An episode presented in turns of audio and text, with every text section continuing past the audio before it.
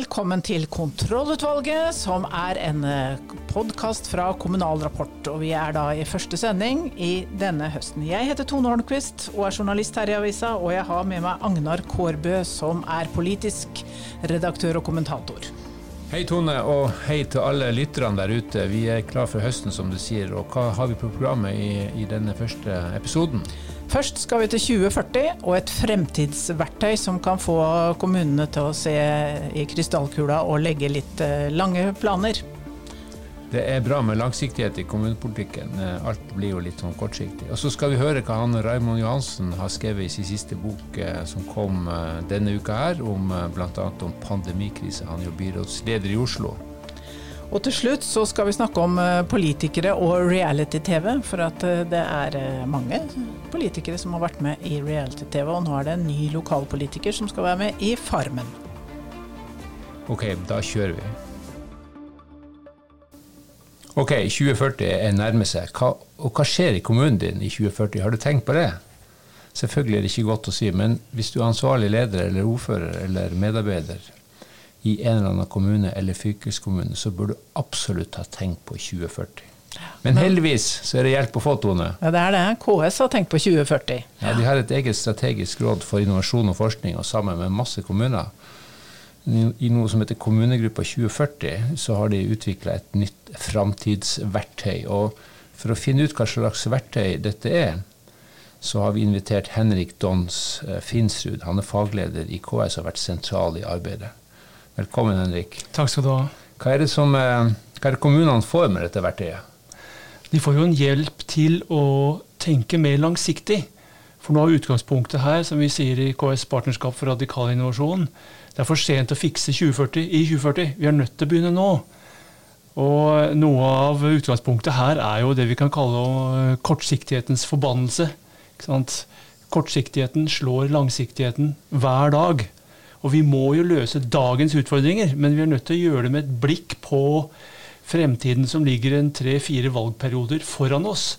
Eller så tar vi valg som ikke kommer til å fungere. Det lærer vi jo når vi begynner å tenke på og se på konsekvensene av den demografiske utviklingen. Og Det har vært utgangspunktet vårt for å gå i gang med dette framtidsverktøyet. Ok, Så da har dere altså laga en uh, modell hvor man kan taste inn kommunenavn, og så får man opp noen skremmende søyler som sier at her blir det veldig mange eldre og litt for lite folk i de viktige velferdsfunksjonene? Vi har jo prøvd å, å bryte litt eh, løs fra den vanlige måten å fremstille både fremtiden og nåtiden eh, på. Sikkert med sånn blandet eh, suksess. Dette er første versjon av et verktøy som vi har tenkt å videreutvikle basert på praktisk konkret bruk i landets kommunestyrer. For det er kommunestyrene som er den primære målgruppen her. Men det må også fungere for innbyggerne. Og det er jo eh, fordi politikerne trenger at innbyggerne er med på den noenlunde samme virkelighetsforståelsen.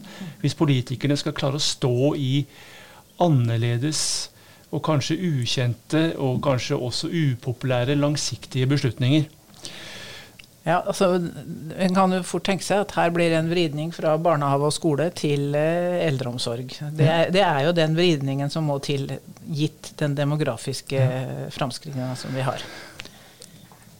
Ja. Og så prøver vi å argumentere og løfte fram et mer helhetlig perspektiv. Så selv om utfordringene jo treffer helse- og omsorgssektoren først, vi får, har jo verken folk eller penger til å levere helse- og omsorgstjenester slik vi gjør i dag, allerede om 10-15 år.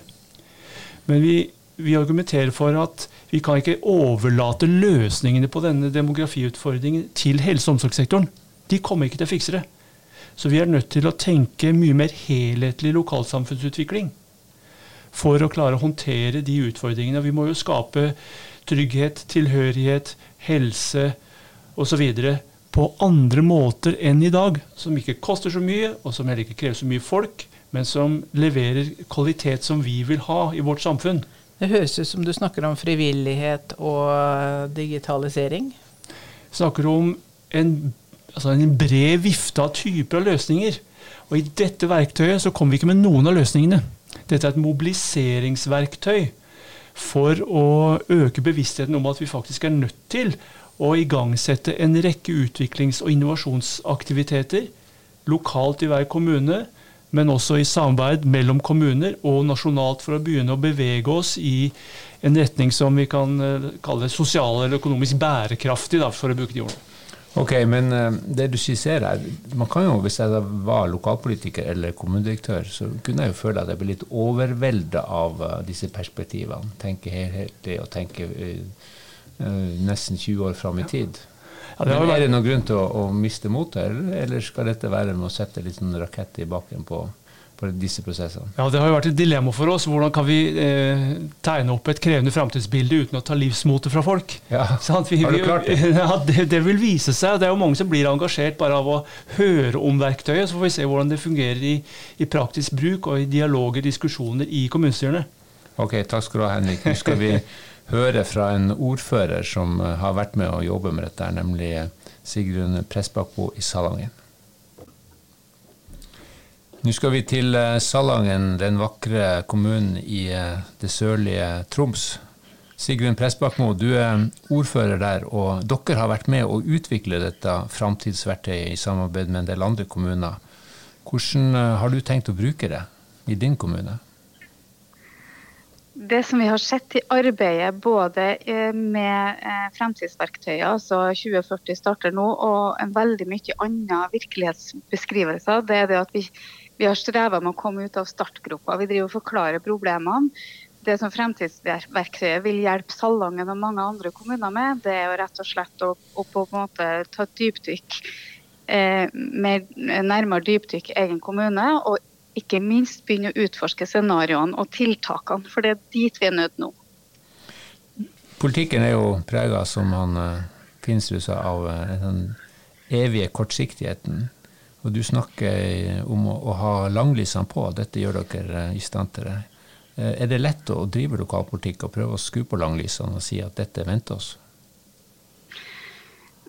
For å si det sånn, Mange lokalsamfunn og kommuner har veldig krevende situasjoner eh, til enhver tid som er nødt til å løses. sånn at veldig mange tiltak må løses på kort sikt med nærlysene på. men skal vi være i stand til å være levedyktige og, og levedyktige lokalsamfunn som leverer tjenester og ikke minst tilrettelegger for økt aktivitet i privat næringsliv, så krever det at vi har økt kunnskap om hva som venter rundt neste sving. og Dermed vil fremtidsverktøyet være et godt redskap til å pinpointe noen eh, utfordringer. For den peker ganske på, på ganske konkrete utfordringer i den enkelte kommune. Når du begynner å se inn i det.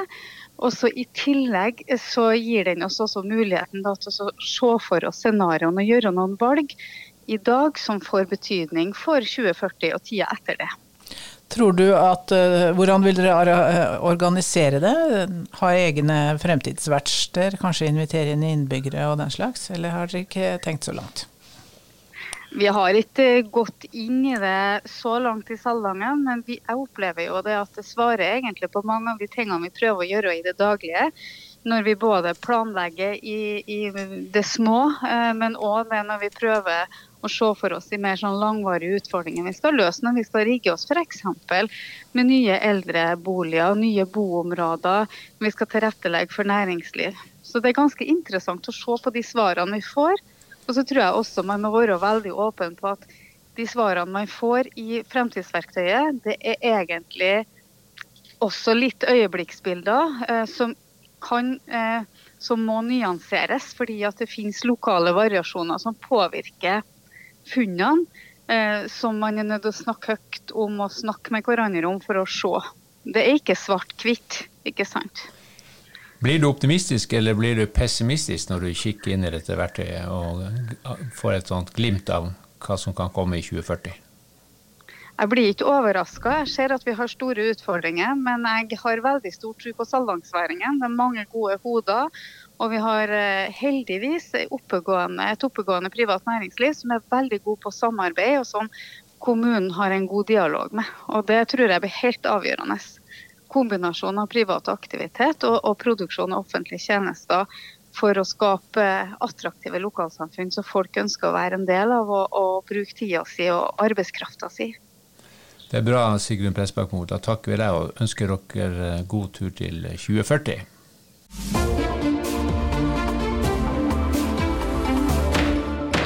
Vi har møtt eh, byrådsleder eh, Raimond Johansen, som nettopp har eh, gitt ut en bok som heter 'Gjennom krisa'.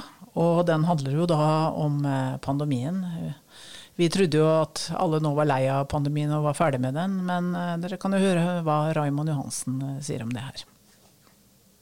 Vi er forhåpentligvis ferdig med pandemien, men det å ha lærdom av av pandemien og forstå det norske samfunn sånn vi forsto det norske samfunn gjennom pandemien, er utrolig viktig, og det er å skrive en bok om. Hva er det viktigste du har tatt med deg som leder av toppsjef i Norges største kommune, og som kan være viktig for andre kommuner? Jeg har lært mye om norske samfunn. Lært mye om byen min, selv om jeg har bodd her i 60 år. Uh, lært om alle de blindsonene vi har, som lever de livene vi gjør. Om uh, forskjeller, om ensomhet, psykiatri. Eh, hvem som blir hardest ramma når det røyner på, er jo alltid de som har eh, minst fra før av. Og når eh, lyset slokkes, så mister også det fokus, og så er vi tilbake til det gamle igjen. Staten måtte jo stole på kommunene i den saken. der. Kommunen har stort ansvar gjennom smittevernloven. Hva kan de som jobber med tillitsreform i stat og kommune nå lære av pandemien? hvor bra det går også for staten å lene seg på kommunene. Utrolig mange dyktige folk. Omstillingsdyktige, kreative. Greide å finne fram til masse nye løsninger når det var et uh, press. Og ikke minst forvalte den tilliten som uh, veldig mange har til kommunen, som også ble styrka under, uh, under, pandemien. Den tilliten tror jeg vi i det norske samfunn har, er helt avhengig av å ha, og det samspillet der mellom kommune og stat er viktig som politisk leder, hva var det vanskeligste under pandemien? Det å stenge ned en by på 700 000. Og etter hvert, eh, når det varte og rakk, og det begynte å gå opp for deg hvilke konsekvenser eh, det fikk for eh, mange som blei sittende der. Og det syns jeg var, var vondt. Samtidig så er jeg utrolig stolt av alle de flinke folka i kommunen som sto på døgnet rundt i har nødt meg nesten to år. Du sier det var tøft å stenge en by på 700 000, det kan vi forstå. Men var det tøffere å være leder i Oslo enn i andre kommuner? Det veit jeg ikke. Uh, kan svare for meg sjøl. Uh, Nedstenginga av Oslo var jo lengre enn de fleste andre steder. Og så er det jo ikke sikkert at det er ensbetydende med at det var mindre tøft andre steder. Men det å fatte beslutninger som påvirker folks bevegelsesmønster, atferd, muligheter dagen etter. Eh, det kan jo være en drømmesituasjon for enhver politiker, men jeg håper ikke at jeg opplever det igjen. Hva skal vi lære ta med oss fra denne krisen til neste krise? Dvele ved krisen, analysene vi har av samfunnet, og ha færre blindsoner framover blindsonene som vi ikke diskuterer, som vi diskuterte under pandemien, de skal vi ta med oss og finne løsninger på. Fordi et samfunn med mindre forskjeller er et bedre samfunn for alle, også de som har mye. Det er et tillitssamfunn. Og øh, vi skal i hvert fall ikke gå i motsatt retning, hvor øh, forskjellene øker, som vi ser noen tendenser til. Du hørtes ut som du gikk fra krisemodus til valgkampmodus. Nei, der er jeg langt fra. Uh, nå har jeg ikke bestemt meg for hva jeg skal gjøre i den sammenheng, og er evig nok med å være her. Og veldig mange av disse spørsmålene som jeg reiser i boka mi, er jo ikke nødvendigvis noen konflikter mellom partier. det kan være andre problemstillinger jeg reiser, som mange fra ulike politiske farger er eh, enig med meg i eller blir forbanna på meg med. Men det du slår fast, er at pandemi er også politikk? Pandemi er politikk. Alle beslutninger vi fatter, er politiske. Det fins ingen upolitisk pandemihåndtering.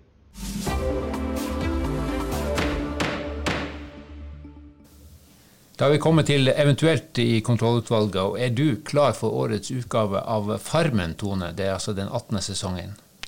Ja, det spørs jo litt på deltakerne, da. Jeg vet ikke. Har du oversikten, du? Ja da. Det er 14 stykker som skal forpakte denne Farmen-gården. Og en av dem er Lyngen-ordfører Dan Håvard Johnsen. Han har brukt eh, sommeren på å være med på innspilling. Så da blir det nasjonal kjendisstatus på ordføreren fra Lyngen? Ja, så han skal få seg gjenvalgt? Nei, jeg vet ikke. Han, eh, vet ikke. han sier sjøl at deltakelsen kan jo slå begge veier. Og han har ikke bestemt seg for om han skal ta en tredje periode som ordfører. Så han, sier han også at han ikke ser fram til noen større kjendisstatus. Han syns det er litt plagsomt dette med å være ordfører, men eh, Ja, Da må du ikke melde deg på reality-TV. Nei, det er en viss sånn eh, paradoks der. Men han eh, sier han er en hyggelig fyr og, og ser fram til dette her. Koble av fra alle mulige digitale flater og få seg litt uh, mosjon, leve sunnere og, og slippe alle disse sene middagene som ordfører. Eh, det er jo mange politikere som har vært med på reality-TV. da. Eh, jeg husker det var jo noen eh, senterpartister spesielt er glad i reality-TV og veldig glad i Farmen. Det er jo ikke så rart. Så jeg husker det var en fra Rauma som vant et år. Og så har vi jo Senterparti-justisministeren. Hun har jo vært med både i, i dette Anno, husker jeg, og nå da sist i Kompani Lauritzen. Og Farmen eh, han, Rødt, han, fra Rødt, Mimir Kristiansson, var vel, og, og FrPs Per Sandberg var vel også med i Kjendisfarmen. Så det er nok noen som ser at her er uh, muligheter til å profilere seg litt, altså. Ja, du kan jo si at politikerne de spiller jo et uh, spill om, av og til som minner om politikken om realityshow. Men syns vi det er innafor at han deltar? Ja da, det, det, må være greit. Det må være, jeg syns det. Akkurat som den finske statsministeren må få lov til å drikke og ta seg en dans. Så, Men uh, vi, vi, må, vi, må, jo si at uh, du er jo på jobb hele tida som politiker, så det må være litt sånn Du må, du må ta, litt ansvar, ta, litt ansvar. Men så kan man også si at uh, altså dette med at politikken er realityshow, de, de stemmes jo ut hvert, eller inn hvert fjerde år, så de er jo litt vant til den dynamikken. Ja, de tåler det bedre enn vanlige folk, tror jeg. Ja. Ok, så da vi godtar vi at han eh, er med på Farmen? Ja, absolutt. Han får lov. Greit, da med dette så er møtet i kontrollutvalget heva. I studio satt uh, Tone Holmquist og Agnar Korbe, ansvarlig redaktør for Kommunal Rapport, og denne podden er Britt Sofie Hestvik. Vi bare oppfordrer dere til å abonnere på våre nyhetsbrev, og det er all grunn til de nærmeste dagene, for da kommer nemlig det både store nyheter om kommunebarometeret og ikke minst om inntektssystemutvalget. Så følg med og heng på.